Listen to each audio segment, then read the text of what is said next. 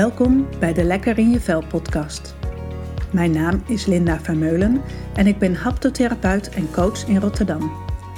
In mijn praktijk Pura Rotterdam zie ik dagelijks mensen die weer lekker in hun vel willen zitten. Maar wat is dat dan? En waarom zit je dan nu niet meer lekker in je vel? In deze serie belicht ik thema's waar je zoal last van kunt hebben. Ik ga daarover in gesprek met klanten en collega-haptotherapeuten. Mensen waar ik bewondering en respect voor heb. Dat wissel ik af met afleveringen waarin ik steeds een aspect uit de haptonomie belicht. Luister je mee?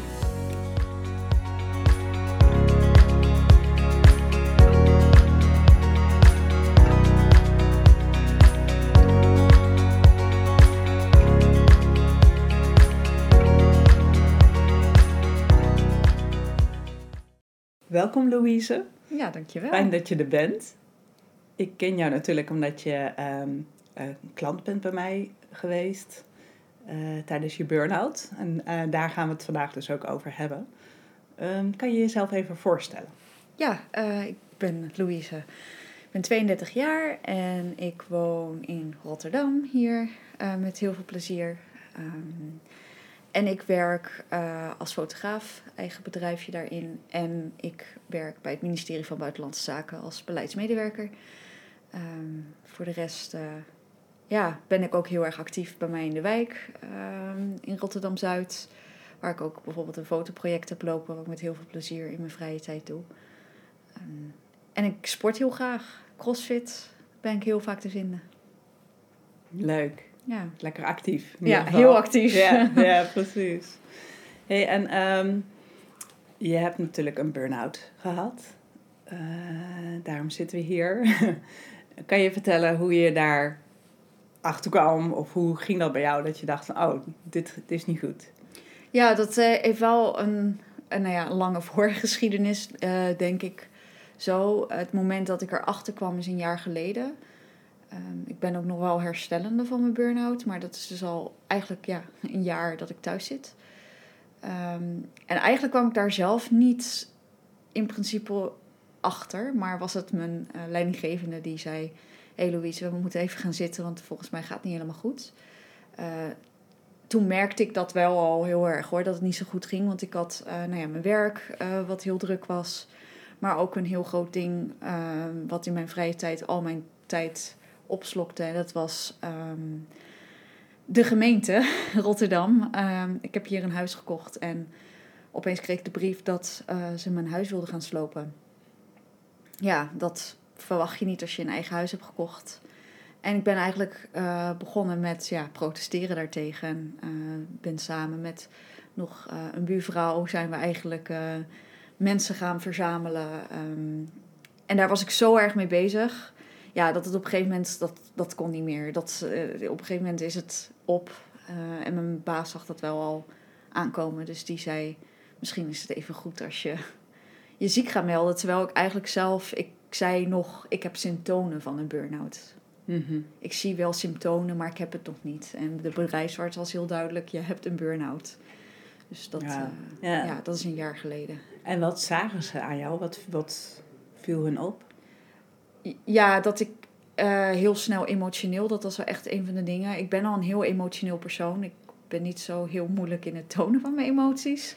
Wat denk ik een hele goede kracht is. Maar het kan je ook overnemen. En ik denk dat mijn emoties de overhand hadden. Um, dus om een voorbeeld te geven. Ik weet nog heel goed dat mijn, mijn leidinggevende zei van... je moet op een cursus over mensen aansturen. Um, en ik begon daar echt om te huilen. Want ik zag het zo als een kritiek. Dat ik dacht van ja, maar het ligt niet aan mij, het ligt aan iemand anders.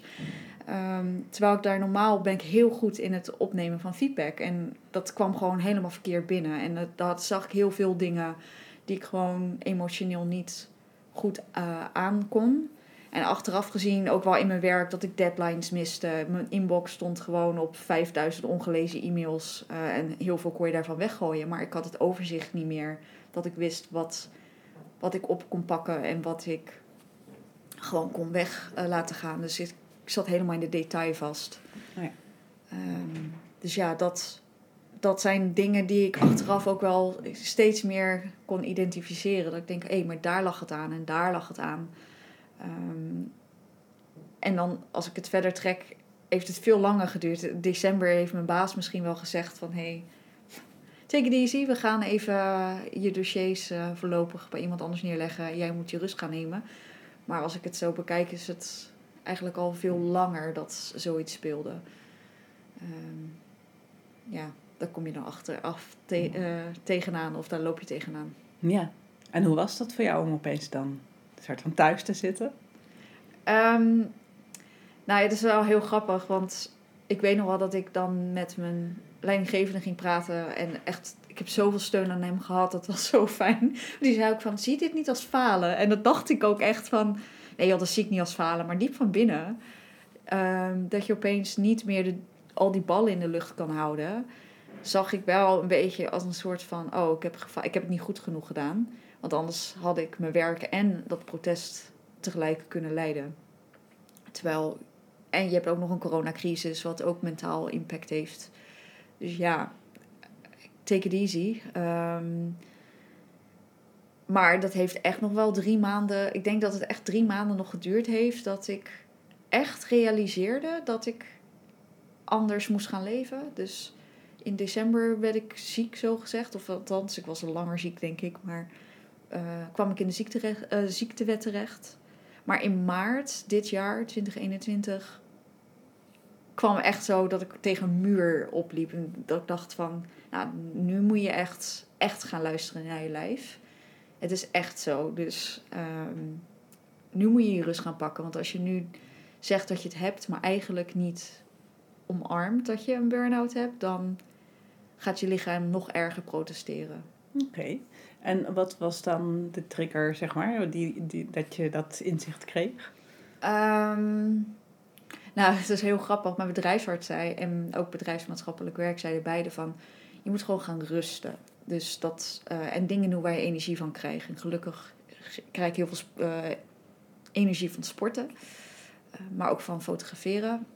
Maar ik denk niet dat ik op dat moment inzag dat um, ook dat met mate moest aangepakt worden. Dat je niet gelijk iedere dag gaat sporten en alles in de extreme, alles. Het is alles of niets. En dat is bij mij altijd een beetje zo het geval geweest. Je geeft je volledig of het is gewoon niet. Je gaat ervoor of je gaat er niet voor. Mhm. Ehm, en ik denk dat ik dat patroon nog een beetje heb toegepast op mijn dagelijks leven. Dat ik wel gewoon een soort van bezigheidstherapie wilde houden.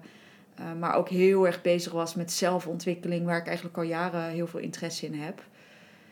En mijn bedrijfsarts zei ook: ga geen zelfhulpboeken lezen. Je mag een roman lezen, maar ga nou niks nuttigs, in jouw ogen nuttigs lezen.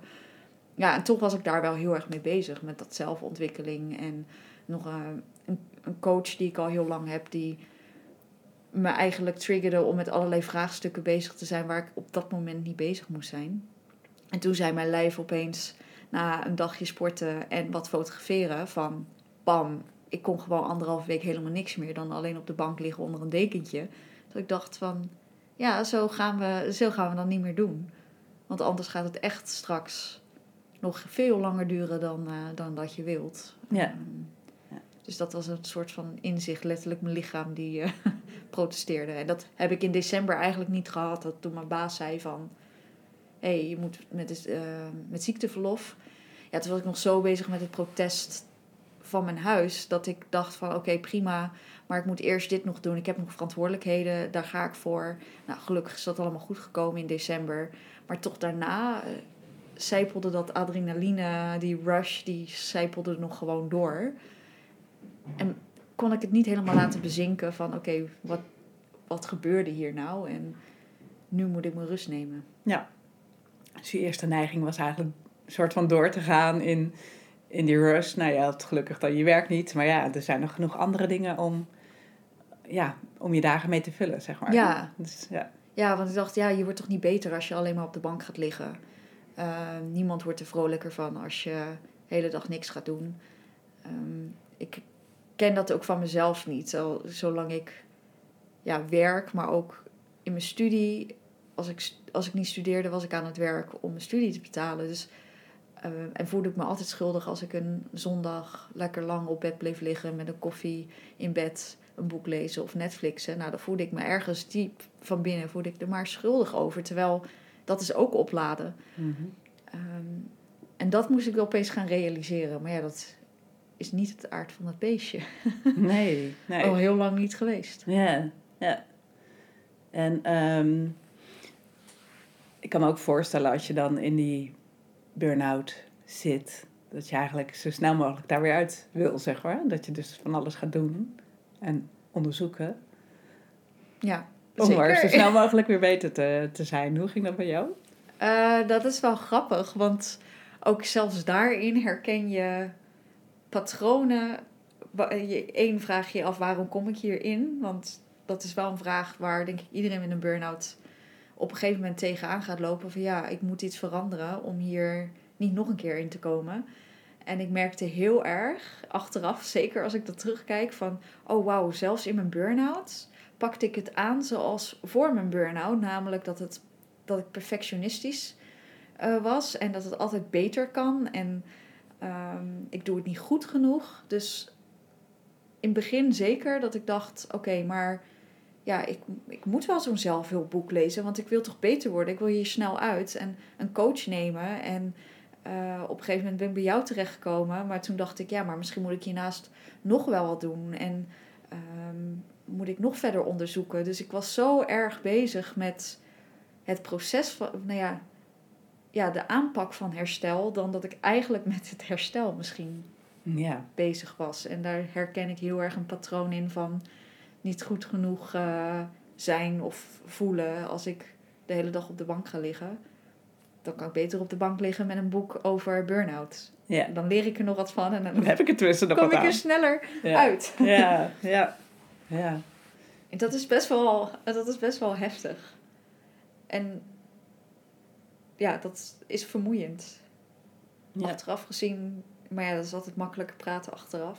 Denk ik, oh, ik had er misschien veel sneller bovenop gekomen als ik echt gewoon die rust had gepakt. En natuurlijk heb ik ook heel veel dagen wel gewoon op de bank gelegen en dat zijn fases, maar in mijn hoofd. Ik kan, je kan de hele dag op de bank liggen, maar in mijn hoofd was ik er toch mee bezig. Mhm. Dan hoefde ik die zelfhulpboek niet eens voor te pakken. Maar toch was ik in mijn hoofd bezig en had ik een, zoals mijn bedrijfsarts ook zei, van je hebt wel een heel streng stemmetje in je hoofd die me toesprak van, hé, hey, maar ja, voel je maar schuldig over dat op de bank liggen. Je krijgt betaald, ehm, want nou ja, de baas betaalt door eh, als je in de ziektewet komt eh, voor een bepaalde periode. Dus eh, waarom lig jij op de bank? Je moet toch dat geld verdienen. Ja, ja. Ik denk dat dat echt heel herkenbaar is voor mensen die in een burn-out zitten. Dat denk ik ook. Ja, het is, ehm, zegt, oh, er zijn wel bepaalde karaktereigenschappen en overtuigingen ehm, die, die, ja, die eigenlijk bijdragen dat mensen risico hebben om in een burn-out te komen. Ehm, nou ja, zo, ik zei het net al een beetje dat perfectionisme en eh, nooit goed eh, genoeg voor jezelf, dat het altijd beter kan. Ja, perfectionisme, eh, perfectionisme dus. Ehm, ja, waar komt dat vandaan? Ik denk zelf dat ik gewoon, en dat, dat heb ik heel erg met die coach ook eh, onderzocht, al voordat ik die, die burn-out terecht kwam, dat ik heel erg laat leiden door ehm, het goed genoeg willen doen of het, alles eraan doen in mijn acties en in, in mijn handelen ehm, om gezien te worden en niet afgewezen te worden. En dat kan natuurlijk in allerlei manieren manifesteren. Dat kan op het werk zijn door altijd maar je best alles geven, duizend procent eh, bang te zijn om fouten te maken. Dat heb ik heel erg gehad. Van, oh jee, ik ga nu een mailtje sturen over naar een andere collega op een ambassade bijvoorbeeld. En dan kon ik daar zo tegenop kijken van, doe ik het wel goed? Terwijl ik ben een expert op mijn thema. Ik heb jarenlang, zelfs op de universiteit, heb ik naar het thema gekeken. Dus als er iemand zich een expert mag noemen, ben ik het wel. En toch zag ik dat niet. Een beetje een soort van imposter syndrome van... ja, hoe ben ik hier terechtgekomen? Ehm ik ben helemaal geen expert, dus ik heb geen recht van spreken. Terwijl ik heb wel recht van spreken. Mhm. Dus altijd maar denken dat je het nog beter kan doen dan dat je denkt Ja, te doen. het is Plus, nog niet goed genoeg. Ja, het is nooit goed genoeg. En daarbovenop dan nog ook eens die onzekerheid van alles wat je al doet.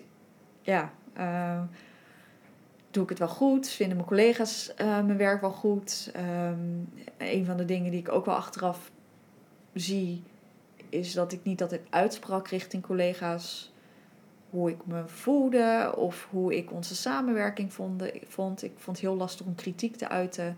Ik, was er, ik ben er best wel een sociaal persoon, dus ik ben er heel graag voor andere collega's. Ik vind dat het leukste van mijn werk dat ik met collega's werk en eh, er voor anderen ben en open en dat je zo verbindt met mensen. Maar soms moet je ook voor jezelf opkomen en zeggen, ja, grenzen aangeven van ik, ik vind het niet fijn zoals wij nu samenwerken of ik heb nu iets van jou nodig en dat heb je niet geleverd. Mhm. Dus voor jezelf opkomen is iets wat totaal niet natuurlijks is. Omdat ik, ja, stel je voor dat ze je niet meer aardig vinden. Of dat ze denken, nou, wat is dit voor een mens? Ja, wat komt ze hier doen Ja, überhaupt? Ja. dus d- dat is best wel een onzeker, ja, dat is onzekerheid. Ja, ik denk dat, En daarin maar dan door blijven gaan qua werk. ja, Omdat het eigenlijk altijd wel voor je gevoel beter kan of niet goed genoeg is. precies. En ik denk, weet je, ik heb wel in het begin toen ik eh, echt het werkende leven inging. ehm, ik heb altijd wel een mentaliteit gehad van hè, eh, mouwen opstropen gaan. Een beetje, ja, een Rotterdamse mentaliteit. Ja. Ehm, niet zeuren, weet je, niet lullen, maar poetsen. En dat heb ik ook heel erg in mijn werk gebracht. En ik heb dat wel al afgelopen jaren dat ik dacht van nou, weet je, we hebben bij het ministerie werken heel veel idealisten die de wereld echt beter willen maken. En daar behoor ik ook toe, dat ik echt iets wil bijdragen aan de wereld. Maar het mag, je moet ook echt op jezelf letten. En dat heb ik heel lang niet gedaan. Dat heb ik afgelopen anderhalf jaar, dat, voordat ik ziek werd, denk ik wel redelijk goed gedaan. Dat ik s'avonds niet meer mijn mail wilde openen. Maar het gaat er ook om hoe je in de dagen dat je werkt, hoe je er emotioneel in staat. Dus als je met alles, eh, dat je het zwaar maakt en denkt, oh jee, ik hoop dat ik het goed doe, zit je er veel, veel zwaarder in. Er gaat veel meer energie naartoe dan als je denkt, joh, ik, ik doe het, mensen maken fouten, daar leer je van. Hup, eh, ik weet wat ik doe en ik stuur het uit. Ja. Ja, ik denk dat dat veel minder energie kost dan als je het veel zwaarder maakt en er tegenop gaat hikken. Dus ik denk dat daar ook wel echt, dat daar vooral. ehm, hoe doe je dat dan minder zwaar maken? Dat is wel... eh, Nou ja, wat ik bij jou onder andere heb ge- geleerd is dat er andere manieren zijn om met dingen om te gaan. Dat je vooral ook gewoon echt naar je lijf, in je lijf moet voelen hoe het voelt eh, als je dingen doet. Want ik, ik zeg dan overal maar ja tegen of ik doe alles maar. Ehm, maar ik kan natuurlijk ook gewoon nee zeggen tegen bepaalde dingen en een alternatief aanreiken. mhm. Ehm, en dat heb ik nooit gedaan. Ik ging altijd maar door en ik dacht nergens over na wat ik ervan vond. Het is mijn werk, dus. eh, en dat is niet alleen mijn werk, met alles. Ik ga gewoon door. Maar je kan ook je lijf eens even gaan voelen en echt voelen: oké, hoe voelt het dan in mijn lichaam? Mhm. Ga je er vanaf? Vind je het eh, goed of niet? Dus ik krijg een taak van een collega waar ik eigenlijk niet, geen, geen tijd voor heb. Ja, meestal dacht ik dan van oké, als ik echt geen tijd heb, dan zeg ik het wel. Maar vaak deed ik het toch wel. Of denk ik, ja, tuurlijk, kom maar. Terwijl als ik in mijn lijf voelde, had mijn lijf waarschijnlijk al een signaal afgegeven van hé, hey, gewoon niet even nu. Je kan een alternatief aanreiken en zeggen volgende week kijk ik er even naar als, als het dan nog goed is. Maar dat deed ik niet. Dus veel meer voelen hoe, ja, En dat je ook nee mag zeggen, inderdaad. ja, begin Dat- ik, oh ja, het wordt me gevraagd, dus is het nodig, dus ga ik het maar doen. precies. En Ja. van, oh ja, ik kan ook... eh, er zijn ook andere mensen. Ja? Dus je hoeft het niet... Het is niet zo dat als jij het niet doet, dat het dan helemaal niet meer gebeurt of zo. nee, en als ook het echt urgent is. Precies, en ook Ja. gewoon het. ehm, de wereld vergaat niet. Als, Mhm. als het eens een keer, ja, als het niet lukt of. ehm, je kan niet alles doen. Dat gaat, dat gaat gewoon niet. Je hebt maar 24 uur in de dag en daar werk je er nou ja, hopelijk acht van, soms negen. Ja. Maar ja, je moet daarin keuzes maken, Ja. denk ik. Ja. En dat is een. Ja, dat heb ik wel geleerd in mijn burn-out. Van oké, wat wil ik? Waar word ik nou blij van en waar sta ik in mijn eigen kracht? Ja. Ehm, en dat is nog steeds een zoektocht, om eerlijk te zijn. Ja, ja. Want het, je, ja, alle dingen die je beschrijft heeft, hebben natuurlijk ook zo een kwaliteit. Hè? Dus ehm, dat je überhaupt dat protest hebt opgezet gezet voor hè, je woning en je wijk. Ja, mensen die anders in elkaar zitten, die krijgen die brief en dan denken van, oh shit. En die, nou ja, valt niks aan te doen. Een soort hopeloos gevoel. Ja. Ehm, dus ergens is het ook mooi dat je, ja, dat je zo inzet en ehm, dingen wil veranderen en verbeteren. Toch? Ja, nee, ook- zeker. En ja, zelfs in het perfectionisme en het altijd maar beter willen doen, heeft me een hulp gebracht. Dus ik denk, ik, ook daar moet je niet. Daar moet je zelfs oppassen dat je het niet denkt van, oh, dat perfectionisme. Eh, zie wat het me allemaal voor ellende heeft gebracht en eh, dat moet ik verbeteren. Dan gaat het perfectionisme over het perfectionisme heen eh, komen. Nee, je mag best wel stilstaan en trots zijn van, oh, al die karaktereigenschappen en al die, die drive die je hebt, die hebben mij zoveel gebracht. ja, Niet alleen inderdaad, ja, ik ben best wel activistisch van, ja, deep down ben ik gewoon wel een idealist en wil ik heel graag iets bijdragen eh, in deze wereld. Ja, dat idealisme vind ik wel een heel mooi ding van Ja. mezelf. Alleen ik moet dan wel weer oppassen. Ja, eh, misschien bij mezelf verwachtingsmanagement doen, ook in mijn werk en in andere dingen. In hoeverre je dat ook te werk eh, of teweeg brengt in de organisatie bijvoorbeeld. Ja, en doe je iets alleen? Hè? Ben je in je eentje daar soort van verantwoordelijk voor? Of Precies. kan je ja. het, zijn er mensen om je heen met wie je het samen kan doen? ja, Dat je de last een beetje deelt. deelt, ja. En hetzelfde geldt denk ik ook wel voor perfectionisme en ja, altijd maar goed willen doen.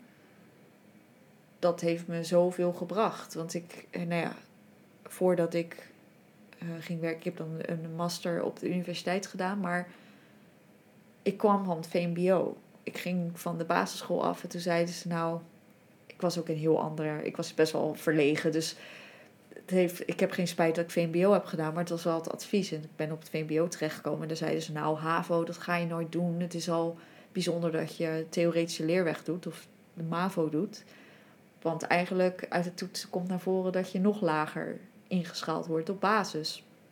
Nou, nu wil ik niet over laag en hoog praten, want je moet doen waar je gelukkig van wordt. Maar ik wilde, ik wilde gewoon meer. Ik wilde er meer uit. Ik wist, ik wist denk ik gewoon diep van binnen dat ik echt wel meer kon. En nou ja, ik heb toen toch eh, mijn MAVO afgemaakt. Want ik mocht niet naar de HAVO in de tweede. Dus ik heb netjes mijn MAVO afgemaakt. Ik ben naar het HAVO gegaan. Daar heb ik dan uiteindelijk wel een positief advies voor gekregen. Eh, daar haalde ik hogere cijfers. Ja, ja. En toen dacht ik, eigenlijk al gelijk op de MAVO, dacht ik, ik wil iets met geschiedenis doen. Ik wil geschiedenis studeren. Maar ja, dat kan niet op de MAVO of op de MBO. Nou, dan gaan we HAVO doen. En dan ga ik gewoon hard voor werken. Eh, want ze zeggen dat ik het niet kan, maar ik kan het wel. Dus nou ja, HAVO, hogere cijfers gehaald. En toen dacht ik, ja, ik kan nu naar de HBO. Wil ik niet. Ik wil geen leraar worden. Mhm. Of ik ga echt voor het echt, echt mijn grote doel. En dat is geschiedenis op de universiteit. En toen ben ik nog op mijn twintigste ben ik op gewoon een normale, reguliere middelbare school nog VWO gaan doen. En dat makkelijk afgemaakt eh, met twee vingers in mijn neus. En naar de universiteit gegaan. En daar heb ik ook heel hard moeten werken hoor. Maar wel goede cijfers was het gehaald. Maar dat had ik niet gehaald als ik dat perfectionisme niet had. Of die En het drive om het goed te- doorzettingsvermogen Ja, precies. Ja, doorzettingsvermogen. En weet je, waar een wil is, is een weg. Ehm, niet lullen, maar poetsen. Kom op, Ja. dat gaat, dan, dan gaat het je wel lukken. Wauw. Dus dat heeft me heel veel gebracht. Ik had hier niet gezeten en zo'n baan bij het ministerie gehad als ik, als ik dat niet had. Dus daar mag Ja. ik ook heel trots op zijn. En ik had ook die protesten niet aangekund of misschien zelfs opgepakt als ik dat niet had. Ja, ja, ja, precies. Dus dan kan je ook de, de mooie kanten ervan, mag je omarmen, zeg maar. Zeker Ja. weten, ja. Ja. Ja, en dan ja, eigenlijk meer dat in balans brengen. Dat je ook meer een keus krijgt, hè? Ja, Ja. ja, keuzes maken in oké. Nog steeds zal ik 100% in mijn baan willen geven, want ja, zo ben ik en ik vind ook dat dat moet. Je krijgt ervoor betaald, dus je doet ook gewoon waar je gevraagd wordt. Dat zit misschien in me. Eh, ik doe geen half werk en dat vind ik belangrijk. Mhm. voor, voor mezelf, voor mezelf ook in de spiegel aan te kunnen kijken. Maar het hoeft niet all over. Het hoeft niet op die 150% all the time. Sterker nog, dat zou ik ook niet meer moeten doen om die batterij vol te houden. Ja, ja. Dus ja, een beetje doseren. Ja. Dus een hoop inzichten eigenlijk, hè? Die je Ja, het is opgelegd. hard werken. Herstel van burn-out is echt, van burn-out is wel echt hard werken. Ja. Dus zelfs op de bank liggen is hard werken dan. ja, want dat is, past dan zo niet bij je. Precies. En, en dan kan je ook weer, ja, soort van, ah, jezelf zo in de weg zitten eigenlijk, hè? Ja, nee, je zit jezelf echt letterlijk soms Ja. in de weg. En dat, ja, dat is gewoon heel, heel moeilijk. En ook, ja, ik heb best wel een goede support system om me heen gehad. En nog steeds. Eh, zeker en ook vanuit mijn werk, dat ik denk van... Iedere dag sta ik op en dan denk ik, wat een geluk heb ik om een werkgever te hebben die zo begaan is en hulp aanreikt en mij de ruimte geeft. Ehm, nu ben ik mijn gedachten kwijt. Ja. En we hadden het over dat zo'n eh, hard werken is of zo'n soort, soort struggle. Als je Ja. in burn-out eh, zit. Dat je, ja, ik kan me ook voorstellen te zeggen ook van eh, ja, het, het voelen en het denken, dat, dat werkt eigenlijk allebei niet meer. Je kan niet meer zo vertrouwen op je gevoel. Nee, En je kan ook niet meer vertrouwen op je denken. Zeker. Dat, dat is heel lastig. Oh ja, en nu weet ik weer waar ik, uh, welke punt ik wilde maken. Uh, dus ik heb, ja, mijn, uh, mijn support system op het werk bijvoorbeeld, dat heel veel, ja, daar heb ik gewoon heel veel aan gehad, dat ik de ruimte kreeg. Maar ik krijg natuurlijk ook wel eens de vraag om me heen van, ja, waar heb je behoefte nu aan? En dat ik denk, ja, weet ik veel waar ik behoefte aan heb. Ik heb dit nog nooit meegemaakt. Mm-hmm. Uh, ja, ik heb behoefte aan helderheid. Maar ja, hoe krijg je dat? Uh, door te rusten en erop te vertrouwen dat je vanzelf wel op een gegeven moment weet wat je, wat je nodig hebt. Maar ik vind dat nog steeds wel soms lastig als mensen vragen, ook nu met het reïntegreren op het werk of um, met sporten bijvoorbeeld ook. Ja, waar heb ik behoefte aan? Ja, of wat wil ik doen? Ja, geen idee. Ik, ik weet het ook niet. Ik probeer soms ook, maar soms is het een goede keuze dat ik dan drie keer in de week sport of vier keer in de week.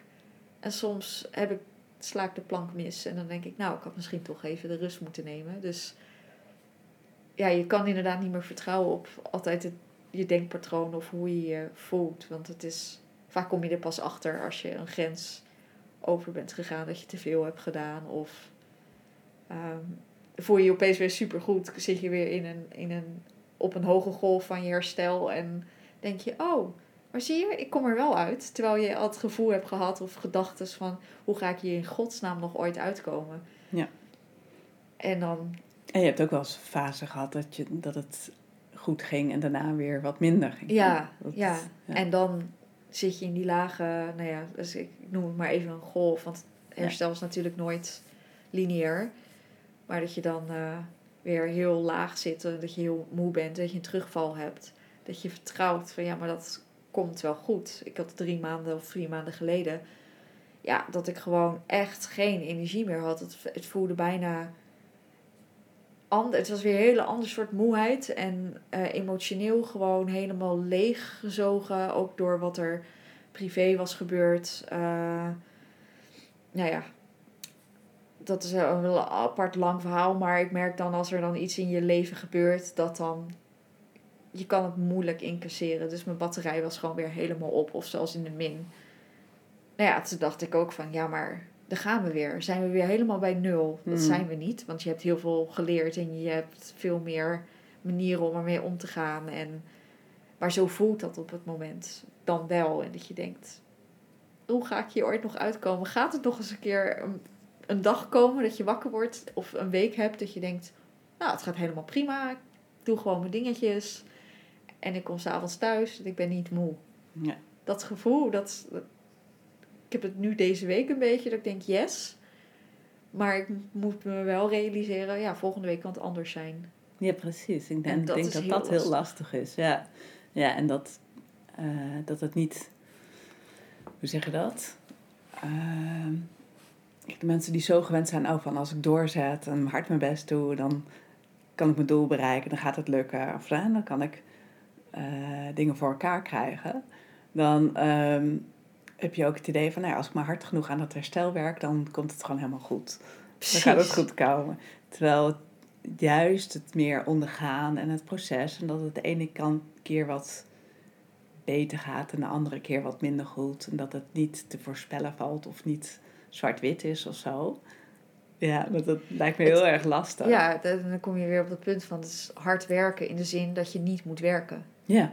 Dus achteraf gezien, ja, ik, ik vind het ook heel leuk om te lezen over zelfontwikkeling en mindfulness en dergelijke. Dus daar krijg ik ook energie van. Maar mijn bedrijfsarts of maatschappelijk werk, zei dat toen, had wel een goed punt. Je gaat gewoon geen zelfhulpboeken lezen. Want je bent dan in je oude patroon bezig met het aanpakken van die burn-out. Terwijl je gewoon nu iets moet doen wat tegen je natuur indruist, namelijk niks. Mhm. En tuurlijk heb ik wel een weekschema gehad, want je moet wel een beetje, je kan moeilijk de echte hele dag op de bank liggen, want daar wordt niemand beter van. Maar je- moet doseren, dus wat doe je op een maandag en wat doe je op een dinsdag? Ja, dat is denk ik voor heel veel mensen met een burn-out opeens tegen de natuur in. En dat is het harde werken. Het Ja. heeft helemaal niks. Het niet hoeven nadenken of het goed willen doen in die aanpak van. Ja. En vond je het fijn om zo'n schema te hebben? Hoe heeft... Ja, dat heeft mij wel heel erg geholpen om een beetje inzichtelijk te krijgen van... Zie je, ik heb wel wat dingetjes van deze week gedaan. Want ja, zelfs boodschappen doen is een activiteit wat energie kost. Dus als je dat op je lijstje hebt staan op maandag, dan weet je, oké, nou, maandag ga ik boodschappen doen en een wandeling maken in het park. En lunch. Dus ik had zelfs mijn lunch had ik dan bijvoorbeeld ook ingepland. Ja. Eh, het avondeten. Al die dingen die zet ik in een schema. Meer ook voor mezelf om het overzicht te bewaren. Dat ik niet zoals ik vroeger altijd deed. Oh, dan ga ik maandag werken. En dan ga ik dan crossfitten. En daarna ga ik nog eh, aan mijn fotografie. Of alles vol plannen zonder erbij na te denken. En nu moest ik er even gaan zitten. Oké, dit is mijn week. Nou, ik spreek met mijn vader af voor een wandeling in het park. Dat is op dinsdag. Maar dan op woensdag moet ik gewoon even niemand zien. Oh ja. Want dat kost me energie om met iemand af te spreken. Eh, dus dat hielp me enerzijds met mijn energie bewaren. En anderzijds ook wel mezelf een gevoel te geven van... Kijk, je hebt echt wel wat gedaan. Je hebt niet de hele week op de bank gelegen en gaan Netflix. Je bent naar de CrossFit geweest en eh, je hebt afgesproken die dag. Ehm, ik deed nog wel wat dingetjes voor de, met de gemeente over de wijk eh, mooier maken, mensen ontmoeten. Maar wel echt hele kleine stukjes. En soms moet je het van de lijst afgooien. En dat je denkt, ja, het gaat vandaag niet. Ja. Maar het gaf mij wel meer een gevoel van voldoening. Dus ik heb dan wel ingespeeld op een ja, karakteristiek of een patroon van mezelf. Maar dat heeft mij wel geholpen. Ja, want je kan in ieder geval zien van, oh ja, wel, ik heb echt wel wat gedaan, toch? Precies. Ja, en, en het helpt denk ik ook om inzichtelijk te maken van, oh ja, deze dingen kosten me dus eigenlijk ook energie. ja. Die doe ik normaal gewoon allemaal maar tussendoor of zo. Maar ja, nee, dat is, voor nu is dat gewoon boodschappen doen, is al Ja. de activiteit voor vandaag. Zeker. Ja. Zeker dat ik dan soms wel eens had, eh, echt op een slechte dag, denk ik, nou ga ik nu boodschappen doen. Ga even naar de Albert Heijn. Ja, maar al die impulsen, ik kon daar dan heel slecht op slechte dagen gewoon, eigenlijk had ik dat dan niet moeten doen, maar dat weet je van tevoren niet. Dan kom je binnen en dan zijn er van die vakkenvullers bezig. Dan dat je denkt, overdag ben je er, dan zal het er niet zijn. Mm. Al die karren staan dan overal, die bewegen overal. En eh, je kan nergens makkelijk bij. Eh, ze bewegen om je heen. Eh, je hebt ook nog een mondkapje op. Dus het is allemaal. Het komt allemaal hard binnen. En dat je denkt, mijn god, ik wil hier zo snel mogelijk weg. Ja. Terwijl vroeger kwamen die dingen, die impulsen allemaal binnen, maar daar was je er niet bewust van. Mhm. Had waarschijnlijk ook gewoon energie gekost. Maar je bent er niet bewust van. Dus dan kost het je onbewust gewoon veel energie. En nu ben je er opeens super bewust van en voel je dat het gewoon alles wegzuigt, zo gezegd. En Ja. dat je dan thuis komt en denkt, nou, dat was de dag. Ja, ja, ja. Oké. Hey, en ehm, op een gegeven moment ben je dus bij mij ook gekomen voor de haptonomie. Hoe heeft jou dat, heeft het je geholpen? En hoe heeft het je geholpen? Of wat heeft je geholpen? Nee, ik noemde het net al een beetje dat. Nou ja, ik was heel erg bezig met hè, ehm, beter worden. Ik was heel erg in mijn hoofd bezig. Dus eh, toen ik hier kwam, merkte ik ook gewoon dat eigenlijk mijn hoofd. dat was de main, ja, de voornamelijke speler in het geheel. Dus dat telde, want dat draaide overuren. En ook voordat ik ziek kwam eh, thuis te zitten. Ja, ik sliep gewoon niet. Gewoon drie uurtjes, twee uurtjes. Eh, mijn to-do-lijsten gingen gewoon af in mijn hoofd. En dat was eigenlijk...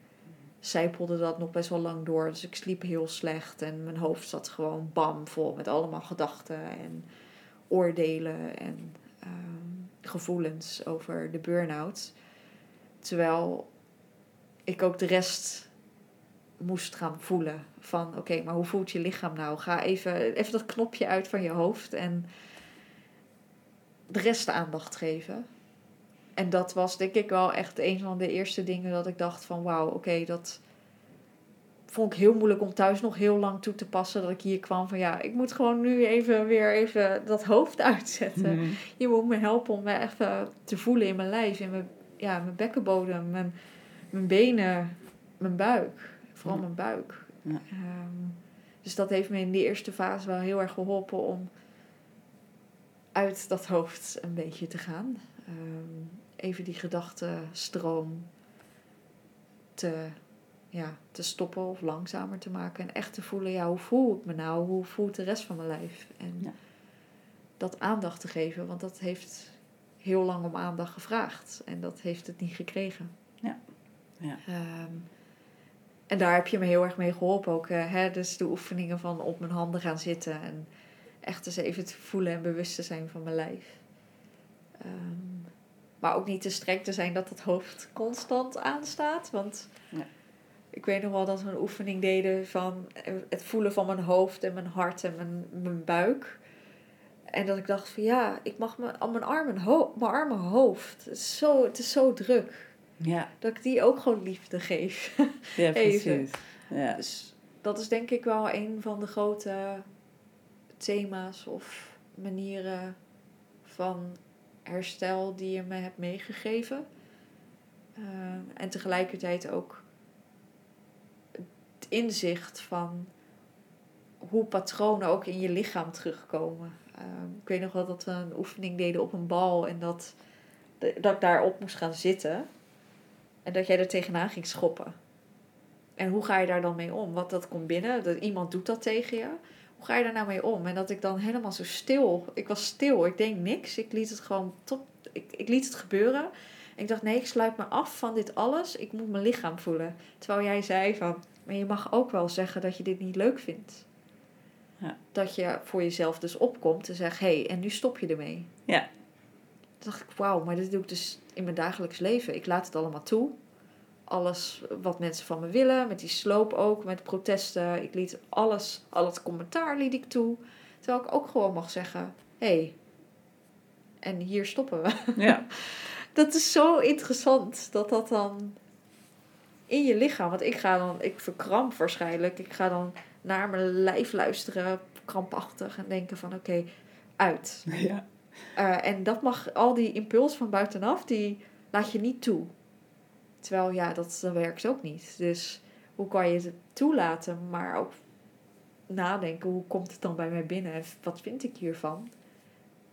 En wat voor actie kan ik er zelf op ondernemen? Ja.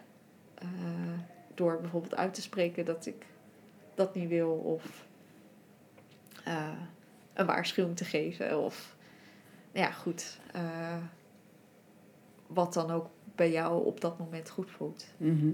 Ja, precies. Dus eerst opmerken van, oh ja, wat doet het met me? Beweeg ik er naartoe of beweeg ik er vanaf? Precies, ja. Of Vind ik het fijn of vind ik het niet fijn?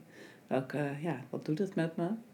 En dan, oh ja, als je inderdaad helemaal terugtrekt en in jezelf gaat zitten van, oh, dit wil ik niet, ik sluit me helemaal buiten. Ja, ja. De anderen kunnen gewoon maar door blijven gaan.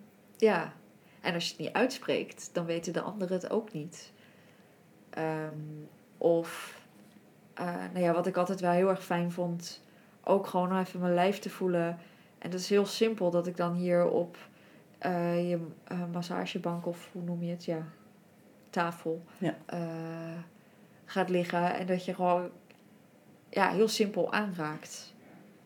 Want dan kom je ook weer terug in je lijf. En dat je denkt, oh, dat lijf had gewoon even aandacht nodig van mij. Ja, En dat kreeg het niet. En daar hielp jij me weer bij om dat te voelen. ja. En ook dat je dan niet zoveel hoeft eigenlijk, hè? Ja. Want dat is wel ook... Ja. Zelfs op de bank liggen, terwijl ik dat niet hoef. Dan denk ik, ah, er komt weer een patroon op. Namelijk, ik wil alles verklaren hoe het Ja. voelt in mijn lijf. Terwijl op dat moment moet je gewoon liggen en het gewoon ondergaan en voelen. Ja. En je hoeft het niet te verklaren. Nee, je ja, dat klinkt heel simpel, maar ja, je, ja, precies. Maar Ja. het is wel interessant, want daar, dat heb ik wel dan geleerd. Van, oh, dat is een patroon van mezelf, dat ik dat dus wil verklaren. Ik wil het goed doen. Dus ik ga zelfs op die bank liggen op een manier dat ik iets moet van mezelf. Terwijl eigenlijk het enige wordt, ja, je hoeft niks. Het, gewoon het te ondergaan. En Die mag er gewoon zijn. je mag er gewoon Ja. zijn. Gewoon zijn, dat is het. Ja. Hoofd uit en zijn. En dat is gewoon wel, dat is confronterend, maar ook wel heel, heel fijn. Dat je gewoon even dat hoofd uit kan zetten. Mhm. Nog een andere, wat haptotherapie me heel erg heeft gebracht is, maar dat is ook weer het herkennen van mijn eigen patronen, is ehm, ja, dat ik in eh, gewoon weer een slechte periode zat en dat ik lag op die bank. En dat jij ging drukken in mijn rug. Ehm, gewoon weerstand bieden. Dus, eh, of zelfs met je elleboog, of weet niet wat je deed, maar dat is gewoon niet fijn voelen. Mm. Maar hoe mijn lijf daar dan op reageerde en dat ik helemaal meebewoog. Altijd maar meebewegen. Ja. Dus altijd maar be- meebewegen op de ander. In plaats van mijn grens aangeven van, weet je, ik vind het niet leuk hoe je met mij omgaat. Zeker denk ik in relaties. En dan niet, eh, ja, ook wel werkrelatie of eh, persoonlijke relatie, maar in dit geval eh, met een partner. Dat ik daar gewoon ook zag van, ja, ik heb daar altijd maar voor, he- voor hem gestaan. Altijd maar voor de ander zorgen. Mhm.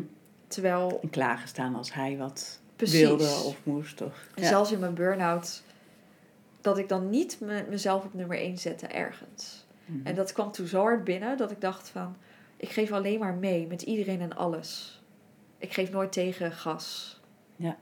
Oh wauw, oké, dit is heel, nou ik heb, volgens mij heb ik toen ook echt wel liggen huilen van, het kwam er allemaal naar boven. Al Ja. die ja, emoties kwamen naar boven. Dat ik zeg, wat ben ik streng voor mezelf. Ik mag echt, ik moet mezelf op nummer 1 zetten. Want niemand anders gaat het doen. Mhm, mhm. Eh, ja, dat was wel echt ook iets wat me heel erg en nog steeds wel echt helpt. Dat ik denk, ja, je, tuurlijk, iedereen be- beweegt mee, maar tot op zekere hoogte. Maar wat heb ik nu nodig? En dat is het allerbelangrijkste. Dus daar kan je meer mee verbinden. Meer bij jezelf Precies. gaan voelen van, oh ja. En de, ja, wat je zegt, jezelf wat meer op één zetten. Ja. Ja. Ja. En veel, inderdaad veel meer blijven voelen, wat wil ik? En dat mag er zijn. En dat doet ertoe.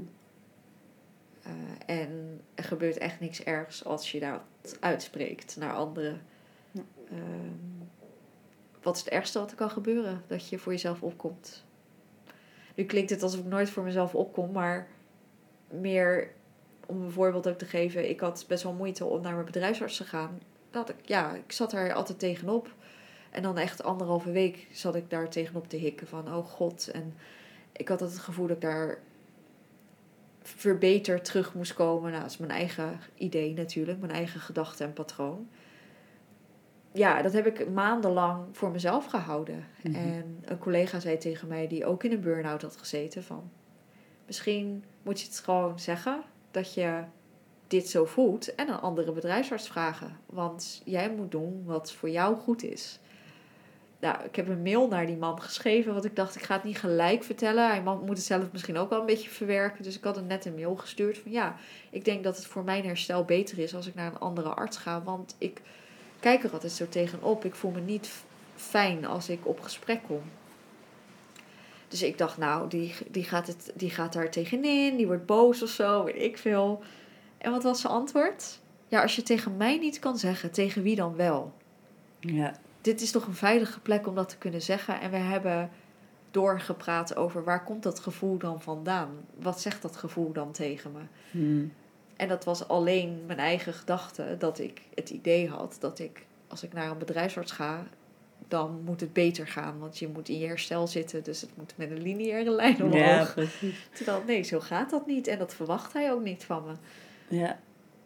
Ja, dat, heb ik, dat had ik vorig jaar of twee jaar geleden of de rest van mijn leven nooit gedaan. Ik had denk ik doorgemodderd tot het echt niet meer ging.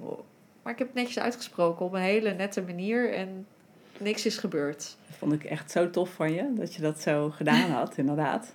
Ja, want ik hoor dat best wel vaak, dat mensen er tegenop zien tegen, nou ja, inderdaad naar de bedrijfsarts gaan of eh, eh, een afspraak op hun werk. En, ja, want ze voelen zich alsof ze zich moeten verantwoorden dat, het, eh, dat ze of het nog niet kunnen, of dat ze inderdaad een soort druk voelen dat ze, eh, dat ze al beter moeten zijn, of dat het al beter met ze moet gaan. Of, ja, Ja, dat is echt wel, heeft echt wel impact. precies. Ik denk ook niet dat het vanuit de werkgever altijd zo wordt gerealiseerd. Maar in ieder geval, het gaat er denk ik meer om van, oh ja, ik mag dus ook, het, het, het mag dus ook gewoon nog niet goed gaan. Of ik mag dus ook gewoon zeggen dat ik meer tijd nodig heb of meer ruimte. Of, Precies. ja, Ja. En ergens had ik dat ook kunnen weten, want nou, wat ik eerder al zei, ik heb gewoon heel veel steun gehad eh, aan iedereen. Dus ik heb nooit ervaren van nou, je moet nu. Ja, in het begin, eh, toen zei de bedrijfsarts na twee maanden wel van we gaan weer reïntegreren. Toen dacht ik na twee maanden, ja, maar daar ben ik niet klaar voor. Heb ik dat ook gezegd van ja, ik kan me niet vinden in het advies. Nou, prima, dan, eh, dan nog even niet. Nou ja, het heeft ook echt nog maanden geduurd. Dat we zitten nu in, eh, wat is het, november. Bijna het einde. Ik zit dus bijna een jaar thuis. Dus het is niet na twee maanden thuis zitten dat ik weer ben gaan reïntegreren. En ik heb dus geluisterd naar mijn eigen behoeften. Ja. En er wordt ook naar geluisterd. En dat is niet bij iedere werkgever, denk ik, het geval. Dus ja, mhm. count your blessings. Daar ben ik wel heel erg blij mee geweest dat het, ook toen ik het uitsprak, gewoon serieus werd genomen. Ja. En, eh, nou ja, er is niks gebeurd. Ze Nee. vinden me volgens mij nog gewoon aardig, dus. ja, precies. Ja, Ja. ja. Oké, hey, ehm, wat zou je tegen de mensen willen zeggen die nu maar zo aan het worstelen zijn met een burn-out? Oeh, ja, zoveel. ja, ja, daar heb ik wel lang over nagedacht. Van als ik had geweten waar ik allemaal mee zou dealen de afgelopen maanden, dan zou ik echt zeggen van oké, je hoeft echt niks. Ga op die bank liggen. je mag Netflixen en eh, zelfs dat, soms gaat dat niet eens. Eh, je mag naar het plafond staren en niks doen, want dat is werken. Dat is voor jezelf zorgen. En niemand anders gaat dat voor je doen. Dus dit is het moment om echt te luisteren naar wat je nodig hebt. Ehm, en tegelijkertijd ook niet te veel gek laten maken door alle adviezen die er zijn. Probeer echt één of twee mensen in vertrouwen te nemen waar je gewoon open alles tegen kan zeggen. En die, ja, die jou ook gewoon in je waarde laten, die je niet met ongewilde adviezen eh, komen opzetten, maar naar je luisteren. Ik heb dat achteraf bijvoorbeeld op mijn werk heel erg afgehouden. Dus ik heb contact met al mijn collega's verbroken. Omdat ik zo, juist zoveel uh, haalde uit mijn collega's. Uh, maar dan distancieer je ook even niet meer van het werk waar je op dat moment afstand van moet nemen. Maar achteraf gezien, ik sprak twee maanden geleden een collega waar ik altijd heel goed mee uh, samenwerkte. En we zijn een beetje hetzelfde ook qua persoonlijkheid en karakteristieken. En hij heeft ook een burn-out gehad. En ja, hij vertelde mij opeens een verhaal. En dat kwam zo binnen. En dat heeft me zo geholpen dat ik denk, oh, maar kijk, ik ben niet alleen. Dus mhm. ik, ik ben niet gek. Want tuurlijk weet ik ook wel, ik ben niet gek. Maar ergens denk je, ja, waar ligt het toch aan? Of uh, is dit normaal dat ik me zo voel? Ja, het is echt normaal. Ja, ja. en het is voor iedereen een beetje anders. Maar als je je twijfelt, is dit normaal, dan vertrouw erop, ja, dit is normaal om je zo te voelen en je bent niet gek. En um, het heeft mij dus uiteindelijk geholpen om dus zo'n collega heel erg in vertrouwen te nemen. Omdat ik opeens een soort van herkenning zag ja, ik kan me zo voorstellen dat mensen zoveel adviezen krijgen, dat je dan weet je ook niet meer waar je goed aan doet. Ja, iedereen heeft wel, ja, uh, wat mijn coach zei, je moet, uh, kom maar bij mijn coaching volgen. Ja, dat had, dat had ik helemaal niet moeten doen. Of sommige mensen zeggen, ja, weet je wat ik heb gedaan? Ik heb mijn baan opgezegd en ik ga ZZP'er worden. Ik ga mijn bedrijf opzetten. En dat was voor mij het antwoord. Mhm. Dus ik dacht eerst, oh, oh, maar dan zal dat voor mij ook wel zo moeten zijn. Want ik kom zoveel mensen tegen die, eh, die burn-out hebben gehad en dan voor zichzelf zijn begonnen. Terwijl, ja, voor mij, sorry, maar ik ga geen ZZP'er worden en volledig afhankelijk van mijn fotografie, 80 uur werken en niet weten of ik rondkom. Dat brengt me meer stress dan ja, mijn vaste inkomen, mijn vaste contract bij mijn huidige werkgever. Nee, dus, dus, de oplossing of het eindplaatje hoeft echt niet voor iedereen hetzelfde te nee, zijn. Het gaat meer over van, oh ja, hoe ga je voor jezelf ontdekken en voelen wat voor jou klopt. Precies. En dat, is, dat wil ik ook echt wel meegeven. Er zullen denk ik heel veel burn-out, of nou ja, mensen met een burn-out tegenaan lopen. Van dat, als je dat dan hoort van mensen die dan een carrière switch doen.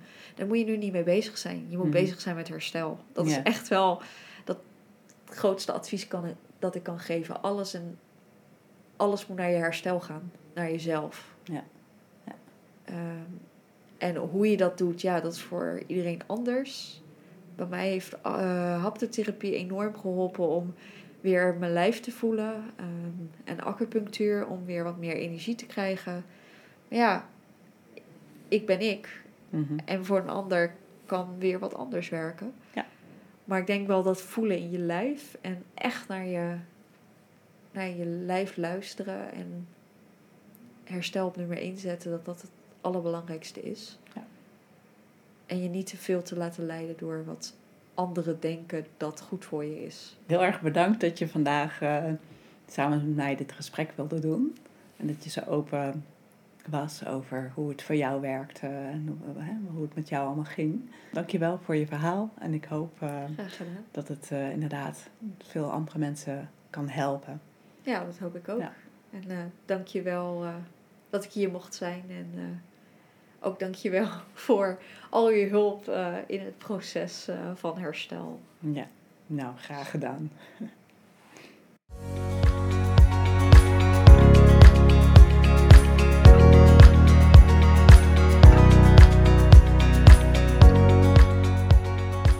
Bedankt voor het luisteren naar deze podcast.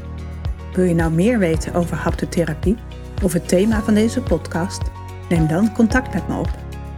Dat kan door te mailen naar info.purarotterdam.nl of met me te linken op Insta.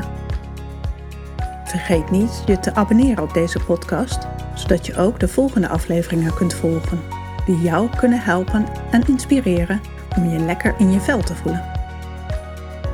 Ik ben benieuwd wat je van deze aflevering vond.